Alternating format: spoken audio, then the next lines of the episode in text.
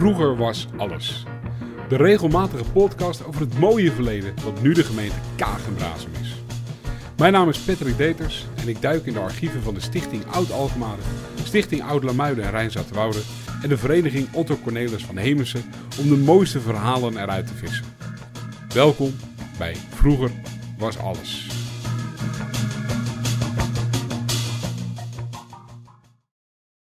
Het is een stormnacht in 1100. De wind slaat vanaf de zee op het land. De verse duinen en stranden van Nederland krijgen er ongenadig van langs. En de striemende wind blaast niet alleen het water, maar ook het diepliggende zand de stranden van Nederland op. Een oud, verweerd gezicht van een Katwijkse schipper kijkt naar buiten en ziet tot zijn schrik de monding van de Rijn bij Katwijk verzanden. Het zand wordt zo hoog opgeblazen dat de Rijn het land niet meer kan verlaten. En dat is natuurlijk vervelend voor de Katwijkers, maar nog vervelender voor het achterland van Katwijk. En vanaf dat moment begint langzaam vanaf Katwijk begint die Rijn te overstromen. En wat er gebeurt is dat er heel veel mensen, ongedierte zoals ratten, etc. Dat gaat allemaal naar de hoger gelegen plekken. Zoals bijvoorbeeld Leiden. dat is toen begonnen, ze zitten er nu nog steeds, maar dat is toen begonnen. En uiteindelijk bedenkt Leiden, ja dit kan niet langer, we moeten iets doen. En ze vertrekken naar een klein dorpje ten oosten van Alphen, Zwammerdam. En daar worden een aantal schepen afgezonken en er wordt een provisorische dam gebouwd. Voor Leiden is dit de oplossing. Alleen ja, met zo'n dam stopt in ieder geval het water niet te stromen. Dus voor Leiden is dit misschien een oplossing. Maar voor het achterland van Alphen niet. En dat achterland is het achterland van Utrecht. En de bisschop van Utrecht is hier niet blij mee. Hij eist dat er een fatsoenlijke oplossing moet komen. En dat die dam daar weer weggaat. Wat nu? Kijk, dat water, dat moet ergens weg. En het verzanden van die mond van de oude Rijn, die toen nog gewoon de Rijn heette, in Katwijk, dat zal niet de eerste en niet de laatste keer zijn. Dus hoe gaan we dit oplossen? En er wordt bedacht vanuit Leiden om naar het noorden omhoog een kanaal te graven. Dat kanaal dat komt dan uit in, op dat moment, het Leidse Meer. Het Leidse Meer is een, is een groot gebied, ongeveer waar nu Teilingen en Lisse liggen. En dat Leidse Meer staat in verbinding met het Haarlemmermeer. En het Haarlemmermeer is een groot stuk water, te grootte van, nou ja, het Haarlemmermeer. De oplossing van Leiden lag in die twee meren.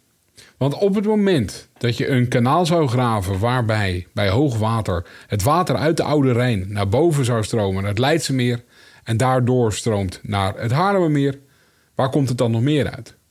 Nou, het mooie is aan de bovenkant van het Haarlemmermeer liggen Amsterdam en Haarlem. En die zijn met, met het ei verbonden met de Zuiderzee. er was nog geen ei, uh, kanaal wat gegraven is naar de Noordzee, nee, maar naar de Zuiderzee. Maar daarmee zou je het overtollig water theoretisch gezien weg moeten kunnen halen. Oké, en, en aan de noordkant van Leiden worden een aantal dijken ook opgeworpen en dat kanaal wordt gegraven. En dat werkt. Alleen dat Leidse meer en het Haarlemmermeer, dat loopt vanzelf wel steeds voller en voller. En het worden een soort binnenzeeën. En er zijn een aantal hoger gelegen plekken die veilig blijven. En dat is wel grappig, want er ontstaat ineens een extra handelsroute. Een handelsroute tussen enerzijds Leiden en daaronder Rotterdam en aan de bovenkant Haarlem en Amsterdam. En die scheepvaart die heeft aanlegplekken nodig. En in 1308 komen we ineens de term kagen tegen. Wat eigenlijk niets meer betekent dan buitendijks land. Het is geen dorp, het is een stukje land waar waarschijnlijk een sluiswachter zit voor de sluizen die er in de omgeving zijn, aantal vissers, een herbergier waarschijnlijk voor de mensen die aanmeren, een zeilmaker en een scheepsmaker. Het zou mooi zijn als die laatste ook nog van Lent heet, maar dat is, dat is vermoedelijk een stuk later pas. Het dorp heeft door de tijd heen heel veel namen gekend. De Kaag, de Kagen. En in iedere variaties waar je de A's, de E's, de C, de K's en die je maar kan bedenken. Maar uiteindelijk in een kaartje van 1647 wordt er gesproken over de Kagen. En op datzelfde kaartje uit 1647 zien we aan de westkant van het eiland een lang lint met heel veel huisjes. En het grappige is, dat is van oudsher al zo. En dat is op dit moment bekend als de Julianalaan. Maar toen heette het bij gebrek aan prinses Juliana ongetwijfeld anders. Maar langs die westelijke oevers ontstaan de eerste huizen en de eerste kerk. Uh, kerk, in eerste instantie was het een huiskapel, behorende bij de rooms-katholieke Sint Pancratius in Sassenheim. Ja, wat op zich was leven op Kaag-eiland wel leuk, maar doodgaan mocht niet. Of in ieder geval, je mocht niet begraven worden. dus wat werd er gedaan als je overleed? Dan werd het lijk overgebracht naar Sassenheim. Naar de Rooms-Katholieke Sint Pancratius en dan je daar begraven. Maar ja, tijdens de grote reformatie in de 16e eeuw verandert er heel veel. In Nederland, maar sowieso op het eilandje. En in plaats van de Rooms-Katholieke Sint Pancratius ontstaat er een kleine Neder-Duitse gereformeerde eh, gemeenschap. Die zijn intrek neemt in de kapel. En als er dan in 1581 een totaal verbod komt op katholieke erediensten, komt er in plaats van een priester een predikant overgroeid uit Sassheim. En die was er niet heel vaak, want in tijden van ijs, dat was een soort dikke laag ja, water, maar heel hard. En dan kon je op schaatsen. Nou fantastisch mooi spul. Maar in tijden van ijs, eh, slecht weer, stormen, regen, dan kwam dat sloepje met die predikant niet overgevaren. En dat zie je ook wel gebeuren, want in 1608, iets meer dan 20 jaar later, begint de gemeenschap zich wel wat achtergesteld te voelen. ze schrijven een petitie aan de Staten van Holland om een eigen predikant te mogen hebben. En die predikant wordt benoemd. In 1608 wordt hij aangesteld en tien jaar later wordt de kapel vervangen door een daadwerkelijke kerk. Een kerk die het heel lang heeft volgehouden, namelijk tot 1873. En uiteindelijk is die kerk wel afgebroken, maar als je op dit moment op de Julianalaan 7 gaat kijken, staat daar een Nederlands hervormde kerk. En het grappige is, die kerk is gebouwd op de fundamenten uit 1608. En als je nu voor die kerk staat en je kijkt omhoog, dan zie je naar alle waarschijnlijkheid een van de andere naamgevers van het eiland. Want er is geen traditionele windhaan daar, maar bovenaan die kerk zie je een klein schip. De meeste binnen- en kustschepen vanaf 1500 zijn de zogenaamde kaagschepen of kagerschuiten. Dit zijn lichte zeilvaartuigen, platbodems, met twee zwaarden aan de zijkanten. En daar zit een kaagman aan het hoofd. En het grappige is, wij hebben altijd in Nederland een voorliefde gehad voor platbodems. Eh, voornamelijk omdat we veel ondiep water hebben. En we hebben natuurlijk waters gehad met een getijdenwerking. En als jij met een boot, met een kiel in een getijdenwerking terechtkomt en het water zakt, dan op een gegeven moment valt je boot om. Terwijl een platte bodem blijft plat op de bodem liggen. En als het water dan omhoog komt, dan gaat je boot ook weer omhoog. En dus die platbodems waren populair.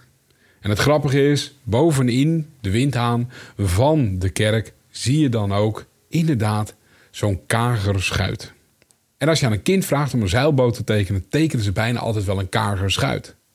Want hoe ziet dat eruit? Nou, je hebt een, een, een punt aan de voorkant, je hebt een platte bodem. Daarboven loopt de lijn van de boeg.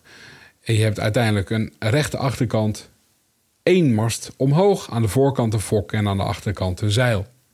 En effectief ziet een kagerschuit er ook wel zo uit. Maar alleen met een kerk ben je er natuurlijk nog niet. Je hebt natuurlijk ook mensen nodig om die banken in die kerk te bezetten. En het leven op de Kagen laat zich bepalen door de scheepvaart. Gaat het goed met de scheepvaart, dan gaat het goed met de Kagen. In goede tijden groeit het aantal herbergen en in slechte tijden valt men terug op visserij en landbouw. In 1544 worden er 53 gezinnen aangeslagen voor een tiende penning. Kijk, een tiende penning was een belasting van 10% op de inkomsten. Ja, 10% komt daar nog maar eens om tegenwoordig.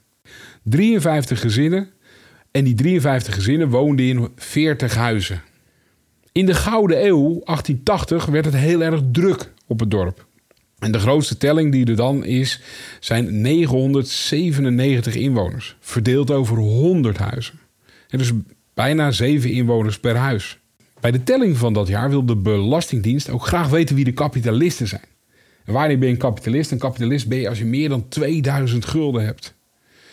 Dat zijn uiteindelijk een kaaskoper, een biersteker, dat is een bierhandelaar, en twee boeren en de plaatselijke predikant. Dit was de tijd dat het nog inderdaad loonde om gelovig te zijn. Maar na de Gouden Eeuw gaat het hard achteruit.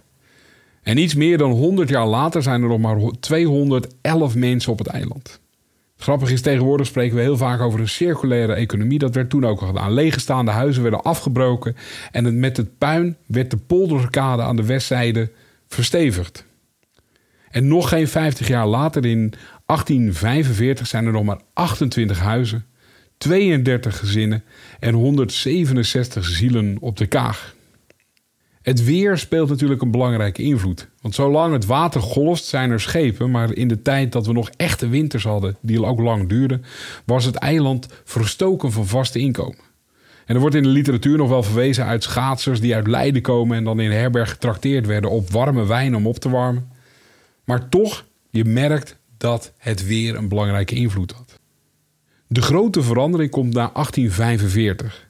Wat gebeurt er dan? De Haarlemmermeer wordt in 1852 drooggelegd. En acht jaar later is de leegwaterbuurt gebouwd. En die leegwaterbuurt is wat wij tegenwoordig kennen als de buitenkaag. En Kaag-eiland wordt ook wel de binnenkaag genoemd. En, en dan verandert er veel, want ineens kunnen mensen met een roeibootje in een paar minuten over naar de ringdijk. Sterker nog, in, in 1902 komt een paardenbok tussen de binnen- en de buitenkaag. En, en, en een paardenbok is een kabelpontje voor vervoer van vee. Maar ik kan me niet aan de indruk onttrekken dat het ook voor mensen wel handig is. Maar uiteindelijk komt er in 1928 formeel een echt kabelpont voor iedereen. En dat pont wordt gebouwd door de scheepswerf Akerboom en Van Lent. Een jonge telg die daar in 1849 als scheepsbouwer is begonnen. En dan wordt het ineens druk op Kaag-eiland. Kunstenaars ontdekken het eiland van de mooie combinatie van lucht en water. De zeilers ontdekken het als uitvalspunt. En toeristen stromen op het eiland toe. En het wordt drukker. Want het aantal zielen neemt toe. Tegenwoordig wonen er ongeveer 475 mensen in 240 woningen. En dat is een stuk rianter dan in huisjes slapen met z'n zeven. Waar een verzande oude Rijn in Katwijk allemaal niet toe kan leiden. Vind je het leuk om meer verhalen zoals deze te horen? Abonneer je dan op de podcast. Dat kan via iTunes, Google of via de website www.vroegerwasalles.nl. Op die laatste website vind je ook links naar de historische stichtingen en vereniging en alles wat je nog meer zou willen weten over de live voorstellingen. Wil je de podcast helpen? Word dan lid van een van de historische stichtingen of vereniging, want daarmee zorgen zij dat deze mooie geschiedenis blijft bestaan. Graag tot de volgende. Vroeger was alles.